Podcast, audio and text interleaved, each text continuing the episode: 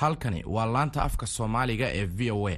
Waxaad naga dhagaysanaysaan muwjadaha gaagaaban iyo efemyada magaalooyinka soomaalida qaarkood. Dhegaystayaal waxaad haatan ku soo dhowaataan barnaamijyo ku saabsan daryeelka carruurta iyo madadaalada dhallaanka. Ugu horrayn ku soo dhowaada barnaamijka kulanka waalidiinta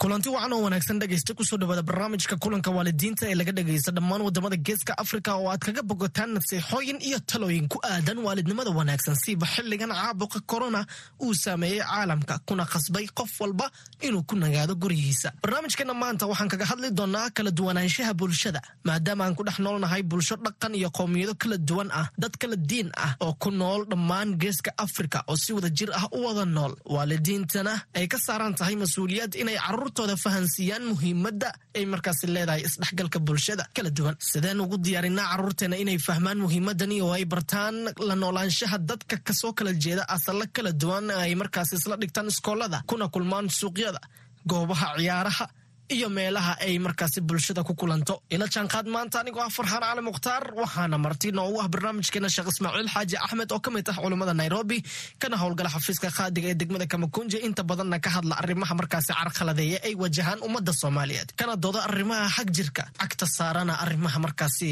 isdhexgalka iyo wadajirka bulshada kala duwan. Barnaamijkani ayaa laga dhagaystaa dhammaan waddamada geeska afrika sida kenya soomaaliya iyo etoobiya waxaan doonaynaa dhegaysta inaan maqalno afkaartaada oo inoogu reeb barteena facebook ee kulanka waalidiinta mise whatsapka oo lambarka yaga uu yahay plus laba shan afar toddoba saddex labo ewer saddex labo toddoba saddex sagaal. Waa inoo muhiim afkaartaada oo waan kaaga fadhinaa carruurtaada u diyaari inay dhegaystaan barnaamijkeena xiga isla hadda ee seseme sheeka sheeka oo maanta ay ku maqli doonaan.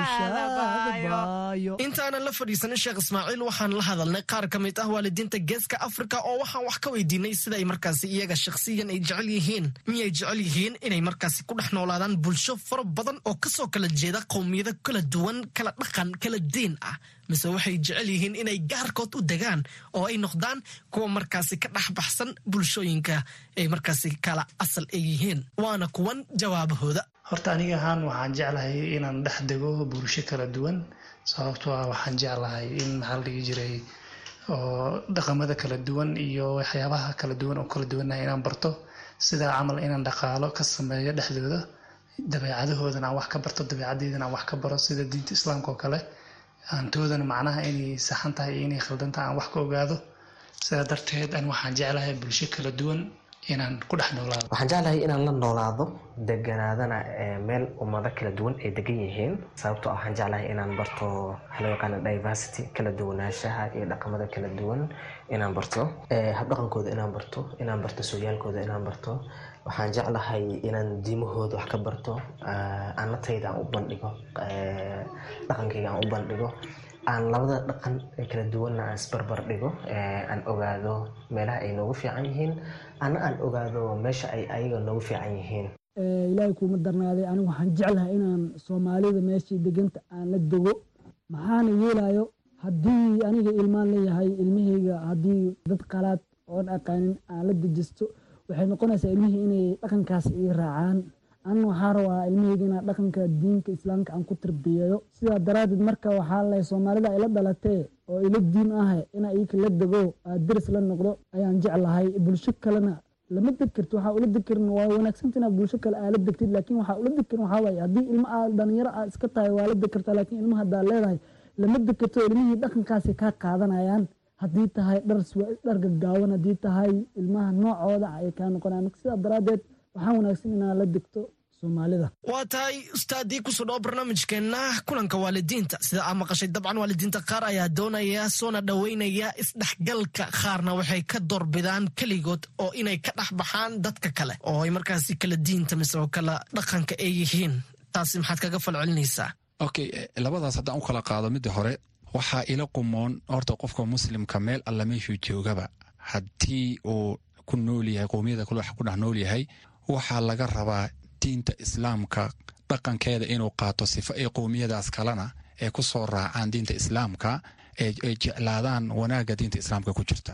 Haddii adigu aad tahay nin qayli badan oo deris aanan ixtiraamaynin oo midka waddada mara aadan ixtiraamaynin oo dukaanka aad joogto qayli qofka kale jiraanka aad ixtiraamaynin waxaa weeyaan ma ku dhoxnaalan karti diinta islaamka meel kaga dhacday. Dadka kale ee leeyihiin ma nolonaalan kari dadka kale leh. Waxaa la rabaa inay noqdaan dad wanaagsan oo sharaf leh ee diinta islaamka dadka ku soo jiidan kara. Waa inay noqdaan sifa dadka kale ee qowmiyada kale ee dhaqankeena qaataan. Sidii akhlaaqdoo kale sidii maxaa la yidhaahdaa oo dabeecadoo kale sidii maaruji furfurashadoo kale sidii sadaqadoo kale. Wax kasta oo meesha ku yiro inaad ku soo dhaweysaa la rabaa. Inta badan soomaalida tusaale nairobi waxay la nool yihiin dad kala dhaqan iyo qowmiyado kala duwan ka kala socda maxaan qorshaysan karnaa si aan markaasi ula noolaano bulsho noocaasi oo kale ah? Wallaahi bilaahi arrintaas su'aashaas in badan baa lii weydiiyey. Dadkana waan u sheegaa. Warniyow dadka aan soo jiidanno. Gaaladii baa waxaad moodaa hadda dhaqanka islaamka inay qaateenoo islaamkii dhaqankiisa inay ka tageen. Waa laga fiican yahay. Marka mujtamacana waxaa laga rabaa inay noqdaan mujtamac wanaagsan oo hagi kara oo ubadkooda. Suuqa wax ku gadan karaa dadka soo jiidan karaa bilmathal oo kale iskool baabad aaday oo waxaad u tagtay visitin ilmahaadaad u yeertay. Waa lagu yeeray ilmaha kale ee gaalada ah ama qofka kale oo muslimka ah waalidkiisa ma imaanin. Ilmahaadii waxbaad u keentay. Tu gaala ayaa meesha taagan. Waalidkeeda muu imaanin. Wejigeedana waa bedelme u yeer. Soo fariisii wixii aad ilmahaada siisay ayagana sii dhaqan wanaagsan ku muuji. Sidaas ayaa ilmaha iyo mujtamaca iyo dadka meesha ku nool lagu barbaarin karaa lisjeclaysiin karaa waa tahay waa maxay muhiimadda markaasi ay leedahay in carruurta kolkay aadka u yar yihiin in la baro la noolaanshaha isdhexgalka bulshada ee markaasi kala duduwan waxaan waxay muhiim tahay awalan horta qowmiyadaha kale waxa ay noo yihiin iyo waxa inaga rabaan iyo waxa annagu aan ka rabno. Ilmaha in la baro loona sheego jiiraanka xaqiisa loo sheego kan deriska kula ah kursiga kula fadhiya wax kula barto xaqa uu kuugu leeyahay. Iyo xaqa adigu aad ku leedahay. Waa in la baraa waddada markii la marahayo siyaabaha loo soconayo. Waa in la baraa ilmaha ayagoo yaryar waddada wax laguma cuni karo. Saaxiibkaa ma cayni kartid. Sidaa iyo sidaasna ma dhihi kartid. Beenna laga ilaaliyo beenta islaamka islaamku wuu diiday akhlaaqda islaamka lagu toosiyo sidaas ayaa cunuga oo macnaha lagu barbaarin karaa asagoo yar oo loo fahansin karaa maskaxdiisa lagu shubi karaa. Hadduu sidaa ku barbaaro oo salaada tukanayo soomayo oo ma qur'aanka akhrisanayo oo wax uu ku khaldan yahay oo loo sheego la yidhaaho diinta sidan bay dhahde asagoona lagu qaylinaynin asagoona la dilaynin asagoona la canaananaynin in loo sheego oo sidaa iyo sidaa yira kadib berri ka maalin si fiican buu dadka kula noolaani wixii waalidku ku barbaariyey buu qaatay. Sidaasuu ilmihiisna ku barbaarin doonaa. Sidaasuu macnaha dadka kula noolaan doonaa. Laakiin haddaad qaayli iyo buuq aad ku bilowdo qofkaas wuu sasayaa. Diinna ma qaadan wax alla haddaad ku shubto xataa. Ma qaadani doono. Maxaa ka mid ah caqabadaha ka dhalan kara? Haddii aanan tixgelinin oo aanan soo dhoweynin kala duwanaanshaha bulshada iyo isdhexgalka. Waxaa ka dhalani karaa haddii aanan la doorbidin oo arrintaas aan laga shaqaynin isku dhac baa imaanaya caybaa imaanaya afligaadaa imaanayso waxaa imaani karo in macnaha oo lagu takooro farta lagugu fiiqo aad dadki aad ka dhexbahdo marka waxaa la rabaa in qowmiyahada la soo jiito dadka la soo jiito dabaqa dadka kula degan gaal iyo muslim baa kula degane si sharaf leh akhlaaq leh inaad kula dhaqanto. Sidaas ayaa lagu noolaan karaa lagula noolaan karaa mujtamaca kale qowmiyadaha kale kula nool. Laakiin haddii aad noqoto qofka kan qof aanan ogoleen la noolaashada macnaha waxay noqonaysaa in barta ayada dhib uu ka dhasho. Waa hagaag. Soomaalida dhexdooda iyaga ayaa istakoora siiba qabiil qabiil iyo qoloqolo ayaad arkaysaa. Mararna waxay takooraan dadka diimaha kale ee wata. Taasi dabcan ma ahan miya mid u baahan in wax laga qabto oo wax laga bedelo si ay markaasi caruurtu ay ugu barbaarin mandaq noocaasi ah. Ma haboono waa inaad macnaha ead aad dhaaftaa lianna taas haddaan sameeyo waxaa ka dhalanaya isjeceel waxaa ka dhalanaya ma aragtaa wadahadal. Waxaa ka dhalanaya in ma aragtayo oo la isku yimaado. Laakiin haddaan qaaylo ka dulkeeno ayagii baa buuqaya dagaal baa bilaabanaya meesha dhib baa ka dhacaya. Ma dhib baan riday mase wanaag baan keene marka qof kasta waxaa la rabaa diintiisa inaanan la caaynin oo lagu afligaadayn afkaartaada aad markaasi ku darsanayso qodobkani ee mawduucani waxaan ku darsanaya afkaarteyda soomaali baanu nahay muslim baanu nahay. Si wanaagsan oo ay sharaf ku jirto lagu wada noolaado. Asagoo ma aragtayo kaa gardaran. Nabi sal alla alay slam watan uu leeyahay unsur akhaaka daaliman aw madluuman. Si wanaagsan oo ay sharaf ay ku jirto ee diinta ay nafartay. Dadka mujtamaca kale aan muslimiinta aan ahayn ku wada noolaada. Inaan noqonno dad fiican oo dhaqanka nebiga qaatay sunnada nebiga qaatay dadka kalena inay nagu de'daan waa laga maarmaan haddii aan la nimaanno dhaqamaha muslimiinta sida ay ahaan jirtay wakhtiga nebiga iyo khulafaa raashidiin quruunu mufadala siday ahaan jireen haddii saasee ku soo islaamaya dhaqanka qofka muslimka lagu soo islaami jiray. Laakiin dhaqankaada hadduu hallaabsan yaha kugu soo islaamaya. Marka ilaahay ha laga baqo oo dadka ha la soo jiito si wanaagsan oo sharaf ay ku jirto ha lagu wada noolaado ninka gaalka ha caynin ha afligaadayn xataa gaal ma dhihi kartid. Sharci islaamka ma ogolo. Gaal hataa ma dhihi kartid. Haddaad hadal macaan oo sharafle aad kula hadasho inuu si wanaagsan kula dhaqmayo. Bilahi towfiiq waa tahay haatana dhankaas iyo su'aalaha in naga soo gaaray dhegeystayaasha iyo waalidiinta. Xasan aadam wuxuu joogaa jigjiga wuxuu yidhi soomaalida iyaga ayaaba isyasa oo waxaad arkaysaa mid kan kale qabiilkiisa dartiis u necab miyay ahayn in marka hore inaga dhexdeena aan isjeclaanno wallaahi waa runtiis. Waa inaan isjeclaanno waa su'aal aad u wanaagsan waay. Soomaali ayagii baaba isfalluuqa. Ree hebel iyo ree hebel ree hebel baa la yidhaahdaa. Oo macnaha ree hebel ma aha shaqa lama siinayo waxaasoo dhan diinta ma bannaynin. Ree hebel shaqa liskuma siiyo.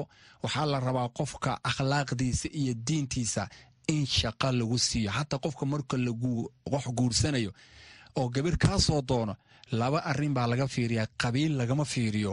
Nabiga caleyh salatu wuxuu le idaa khataba ilaykum man tardawna diina wa khuluquu fazawijuuh hadduu idin yimaado qof aad diintiisi iyo ma aragtay akhlaaqdiisi aad raalli ka tihiin gabadha ha loo guuriyo. Marka waxaa la rabaa nabigana sal alay slam watan uu leeyahay qabiilka dacuuha fa inahaa muntinna. War qabiil waa quruna iska dhaafo nabiga caleyhi salaatu wasalaam marka waa inaa annaga horta muslimiinta dhexdeenna jeceyl muujinna kadibna dadka kalena jaceylkiaan u gudmina laakiin dhexdeennaba waxaa yaalla tafaaruq kala tag oo lisma rabo. Macra in ree hebel waay. Waa fulaan waa kan. Waxaa weeyaan nabiga alay sl watan uu leeyahay xadiiska nabiga caleyhi salaatu wasalaam laa yuuminu axadukum xataa yuxiba liakhiihi maa yuxibu linafsih shaqaad aragtay.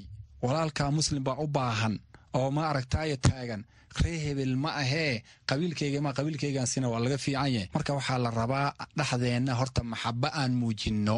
Maxaba markaan muujinno ayaa kuwan kalena soo jiidan karna wabilahi towfiiq samatar oo jooga muqdisho waxa uu yidhi naanaystaydu waxaad moodaa inay carruurta ku dhaliso fikrad aan wanaagsanayn. Tusaale waxaad arkaysaa qof loogu naanaysayo hebel dhurua ama hebel dhuxul.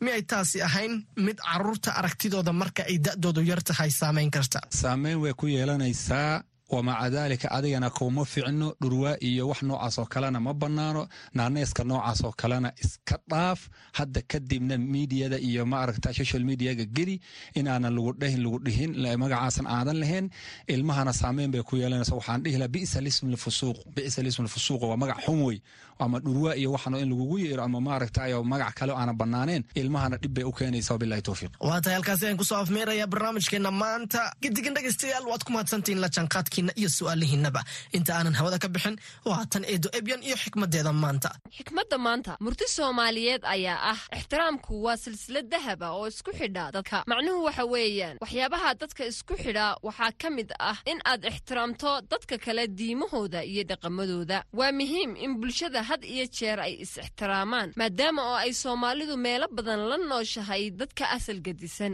Si wacan sideed u xaqiijisaa inay carruurtaadi markaasi ay noqdaan kuwo farxadaysan oo ciyaar ah. Kana feejignaada caabuqa. Maxaad dejisatay oo qorsho ah? Si aad u hubsato inay carruurtaadu ciyaaraan xitaa haddii ay markaasi guryaha ku sugan yihiin. Intaasi ka hor nala soo wadaag su'aalahaaga iyo afkaartaada oo inoogu soo dir whatsapp lambarkuna waa plus laba shan afar toddoba saddex labo eber saddex labo sidoo kale inoogu reeb fariintaada barteena facebook ee kulanka waalidiinta. Ilaa iyo kulanti dambe oo xiise leh nabadgelyo.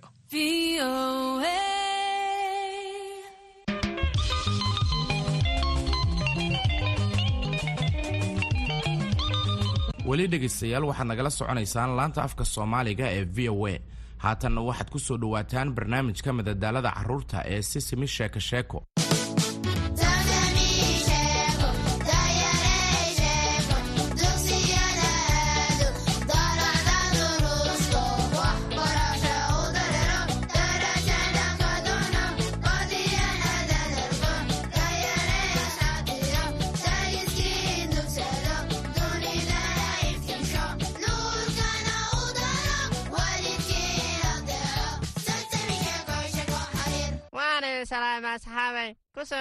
sisima sheeko sheeko maanta waxaan ku suganahay maktabadda xaafadda buugaag aad u wanaagsan ayaa ka buuxa runtii waxaanan akhrinayaa buuggan aadka u fiican ee ka hadlaya. Mushaalida alla fiicanaa waan ku salaamay beer. Elmo agtaada ma fadhiisan karaa oo buugga ma kula akhrisan karaa? Haa dabcan elmo. Adigu buuggaaga ayaad hoos u akhrisan kartaa. Aniguna sidoo kale buuggayga ayaan hoos u akhrisanayaa. Haya beertay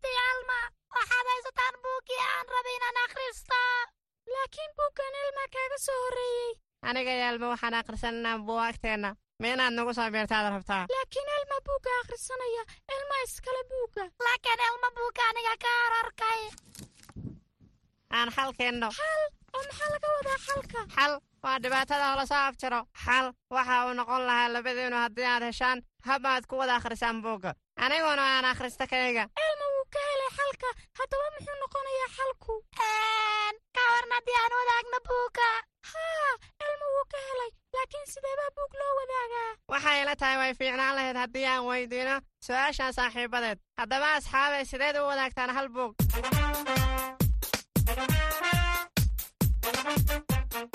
intaan isgarab fadhiisanno ayaan wada isticmaalnaa wada akhrisana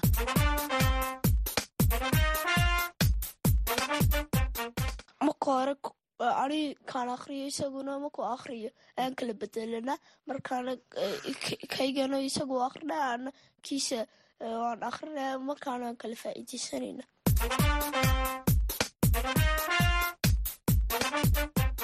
Agtaydu fariisanaha isla akrinay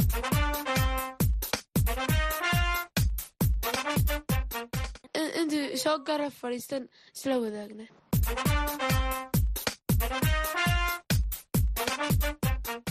waan isla fadhiisanaa waan isla akrinaa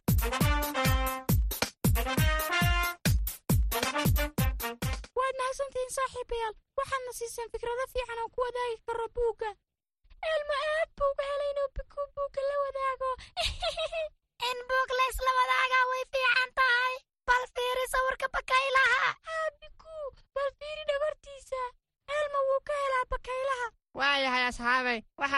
muuqataan inaad ku raaxaysanaysaan buuggiinna alla buugga bakaylaha ka hadlaya. Waxa uuba ka fiican yahay buuggayga. Ka warama haddaan anna idinla akhristo. Oo maxaa dhiilay baar waan kula wadaagi karnaa buugga adiga. Waaba maad in la wadaago buuggan. Haa biko mahadsanid elmo. Haddaba elmo boggan wuu rogayaa. Alla fiiri sawirkan. Waa bakayle iyo dhir iyo khudrad kala duwan. Alla wuxuu cunayaa dabacase. Haa elma bakaylayaashu waxay aad u jecel yihiin dabacasaha haddaba boga kale aan u ragno alla fiiri godkan. Waxaan u malaynayaa bakaylaha ku nool. Haa biko waad saxan tahay baan filayaa. Haye balaan roga boga.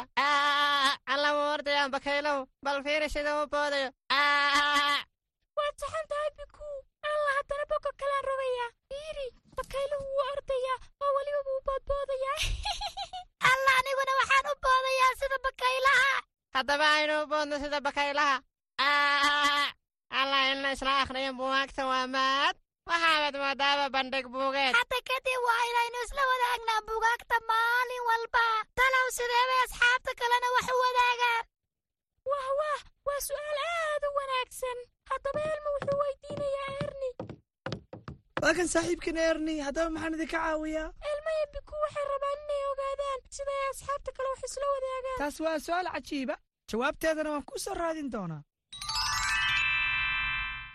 Waa idin salaamay saaxiibayaal. Waa anigoo ah erni iyo mar kale iyo barnaamijkiisa. Simi sheeko sheeko waxaa halkaa iga muuqda gabdho iyo wiilal wada ciyaaraya. Waxaana weydiin doonaa su'aashayda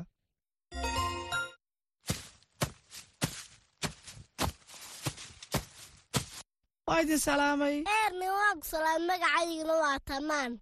Anigana magacaygu waa marwo.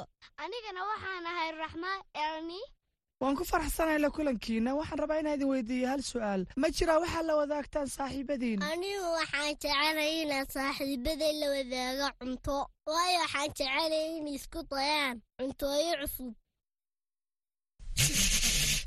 alla fiicanaa waan jeclaa aniguna inaan saaxiibaday wax la wadaago. Haye adiguna marwo? Anigu waxaan jeclaa inay la wadaago saaxiibada sheekooyin. Akhriska waan aqaanaa. Bugaagta sheekooyinkana waan u akhriyaa saaxiibaday wah wah waa arrin cajiiba dhegaysiga sheekadani aad ayaa ii farxad gelisay. Haya adiguna raxma. Waan jeclahay inaan la wadaago saaxiibaday bambalayaasheeda waana maad inaan la ciyaaro saaxiibaday allah waa si wanaagsan. Waxaan jeclahay inaan la wadaago anigu saaxiibadays mooska waxaanu ka baxaa gurigayaga waa ku mahadsantihi runtii maadaama aad iga jawaabteen su'aashaydii. Haddana waxaa la soo gaaray xilligii dhegaysiga xarafka maanta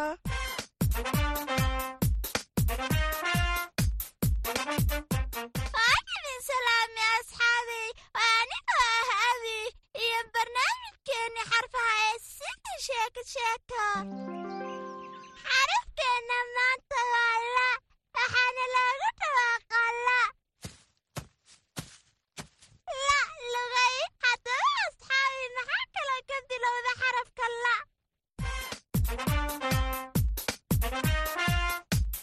haya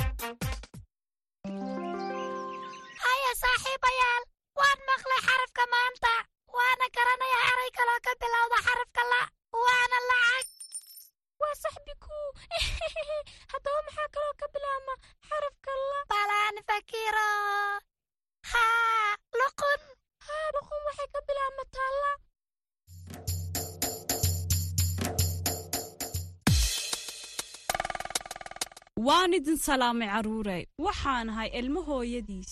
Maantana waxaan idinku luuqayn doonaa. Hees aad u macaan. Waxaana rajaynayaa inaad ka heli doontaan. Haye ila heesa. Buug buug buug. Waa wax fiican. Waa lagu faa'iidaa oo waxaa ka buuxa sheekooyin. Iyo sawiro iyo sawiro qurux badan.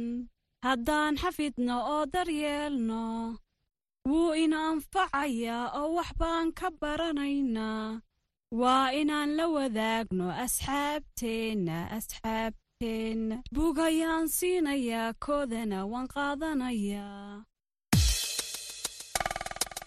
Waana idin salaamay asxaabay waa mar kale iyo saaxiibkiin beert ma garanaysaan meeshaan matalaya inaan joogo hadda? Haddaba aynu matalna inaynu joogno bandhiga bacaadlayaasha haddaba qof walba indhaha iska xidho hana matala inuu joogo bacaadlayaal dad badanna ay ka buuxaan. Shanqar badanna ay ka yeerayso ma maqlaysaan shanqarta haddaba ciyaartan waxaa la dhahaa sheeg waxa shanqaraya waxaan matalaynaa inaan joogno dukaan. Si fiicanna waa inaad u dhegaysataan shanqarta aad maqasho. Kadibna sheegto nooca dukaankaasi uu yahay. Waa yahay! Haye si fiican u dhegaysta oo sheega codkaasi wuxuu eegay alwaax la jarayo. Waad saxdeen. Aad baad ugu fiicantihiin ciyaartan haddaba sheega kanna. Waxaan u malaynaynaa faryaamo. Alla balfiyane sidee buu u garaacayaa birta? Waa bir la tumayo. Waa sax. Bal haddaba qiyaasa kanna. Wax macaan baa shiilmaya shaqartii digsigaan maqlaynaa waa maqaayad cunto waad saxdeen tanna alla matalaadee cunnada aad baan ugu gaajooday. Ina mariya waxaan cunno doonane.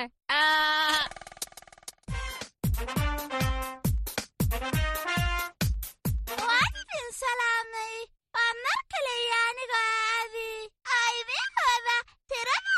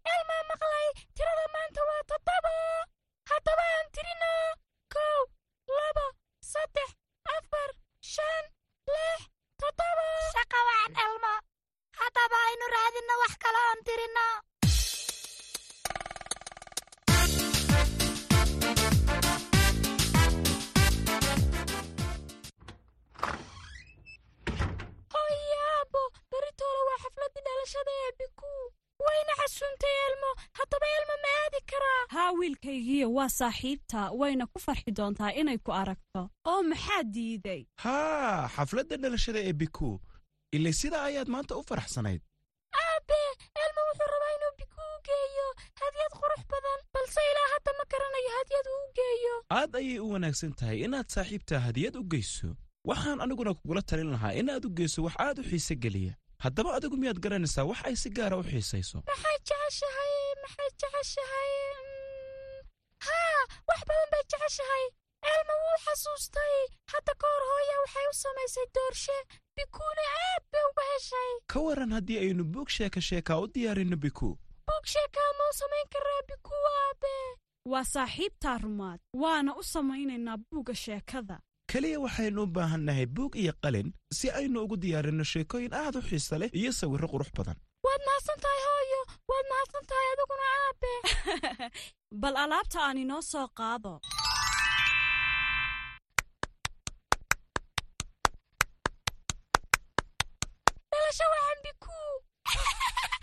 Aad baad u mahadsan tahay elma elma wuxuu kuugu talagalay hadyadan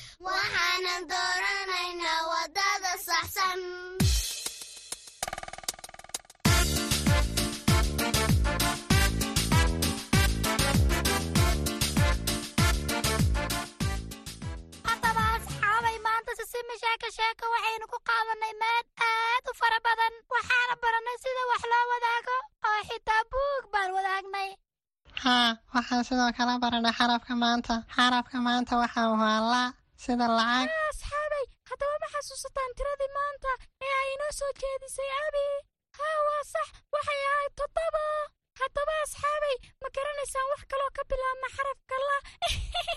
Waad ku mahadsantihiin sida quruxda badan aad u dhegaysateen sisimi sheeko sheeko kulanti dambe oo xiisa leh.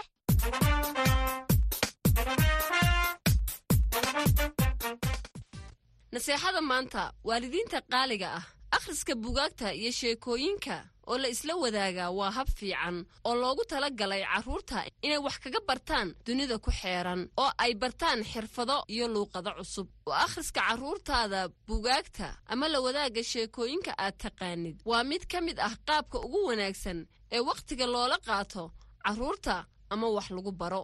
Carruurta qaaliga ah maxaad ka heshaan inaad asxaabtiinna la samaysaan? Naga soo waca nambarka watsapka noogana soo jawaaba su'aashan waxaad noogu soo gudbin kartaan nambarkaas. Afkaartiinna iyo soo jeedintiinna waxaanad ka dhagaysan kartaan barnaamijka sisami sheeko sheeko etoobiya redio fana soomaaliya star f m kenya star f m.